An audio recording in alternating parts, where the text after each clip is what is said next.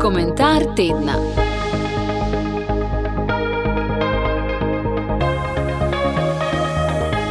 Pripravil ga je ravnatelj Rafaelove družbe Lenard Rihar in mu dal naslov med vzroki in posledicami. Slovenija je v torek prvič obeleževala nacionalni dan spomina na vse žrtve komunizma. Tu in tam se je tudi na demokratični strani privzdignila v brv, češ kaj pa nam je tega treba.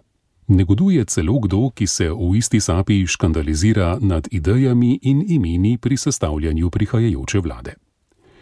To dokazuje, da je ena najbolj usodnih značilnosti sodobne Slovenije dejstvo, da sprotnega dogajanja ne znamo ali nočemo povezati z zgodovinskimi vzroki. Svoje zgodovine, posebej novejše, ne poznamo prav dobro, še huje pa je, da ni ovrednotena v skladu s stoletja veljavnimi načeli. Zato so vloge dobrega in zla vse prevečkrat sprevrnjene. Če taka neskladja, laži, krivice in manipulacije trajajo pol stoletja in še čez v tranzicijo, potem pri ljudeh, na pameti in na moralnem kompasu zagotovo puščajo hude posledice. Kdor ne verjame, naj si znova pogleda rezultate zadnjih volitev. Mi pa se ozrimo proti vzrokom.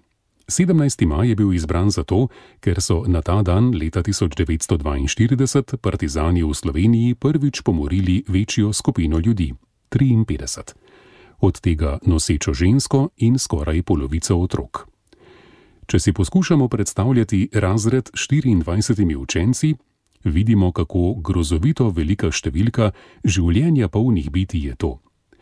Ali velikost takega zločina ne zadošča, da se ga enkrat na leto spomnimo? Pa je bil ta pomor v primerjavi z nadaljevanjem šele neznaten začetek nasilne spirale, ki je trajala vse do osamosvojitve Slovenije. Vmes je leta 1945 z velikim pompom prišla svoboda ali vsaj neprestano govorjenje o osvoboditvi. Kadar so preprosti, a bistri ljudje želeli locirati tisto obdobje, so z mešanico grenkobe in ironije rekli po svobodi. Kaj je torej prinesla samozvana svoboda? Zločin 17. maja smo razlojili na odrasle in mladoletne in smo ga takoj lahko nekoliko bolje začutili. Potem pa se obseg nasilja tako drastično povečuje, da lahko ostajamo edino še pri številkah a vseeno si poskusimo predstavljati, kaj pomenijo, koliko strpinčenih človeških usod se skriva v njih. Gre izključno za obdobje po končani vojni. Okoli 15 tisoč izven sodno pobitih slovenskih vojnih ujetnikov in civilistov, obstoj osmih večjih in več manjših koncentracijskih taborišč, obstoj štirih kazenskih taborišč za prisilno delo obstoj blizu 20 taborišč za tako imenovano poboljševalno delo in za družbeno koristno delo. Okoli 17 tisoč beguncev, ki so se pred nasiljem umaknili v tujino. Okoli 16 tisoč političnih obsojencev. Okoli 25 tisoč političnih zapornikov.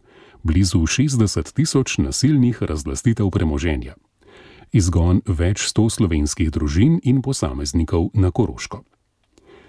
Iz teh podatkov, ki so rezultat raziskovanja zgodovinarja dr. Milka Mikole, vidimo, da je bilo vseh neposredno prizadetih žrtev komunističnega nasilja v Sloveniji več kot 100 tisoč. Če bi upoštevali še njihove bližnje, torej posredno prizadete, bi bila ta številka še nekajkrat višja. So vse te žrtve vredne, da se jim posveti 17. maj? Iz zgodovine rastemo, je del nas, ne pomaga pretvarjati se, da ni. Do nje se moramo opredeliti v skladu s tem, kar je, kot bi rekel Justin Stanovnik, v nas shranjeno kot tisočletna kultura.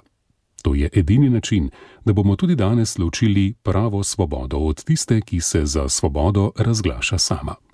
To je edini način, da se s časoma samozvane svobode znebimo in zaživimo pravo. Tako je v komentarju z naslovom Med vzroki in posledicami zapisal ravnatelj Rafaelove družbe Lenard Rihar. Komentar tedna.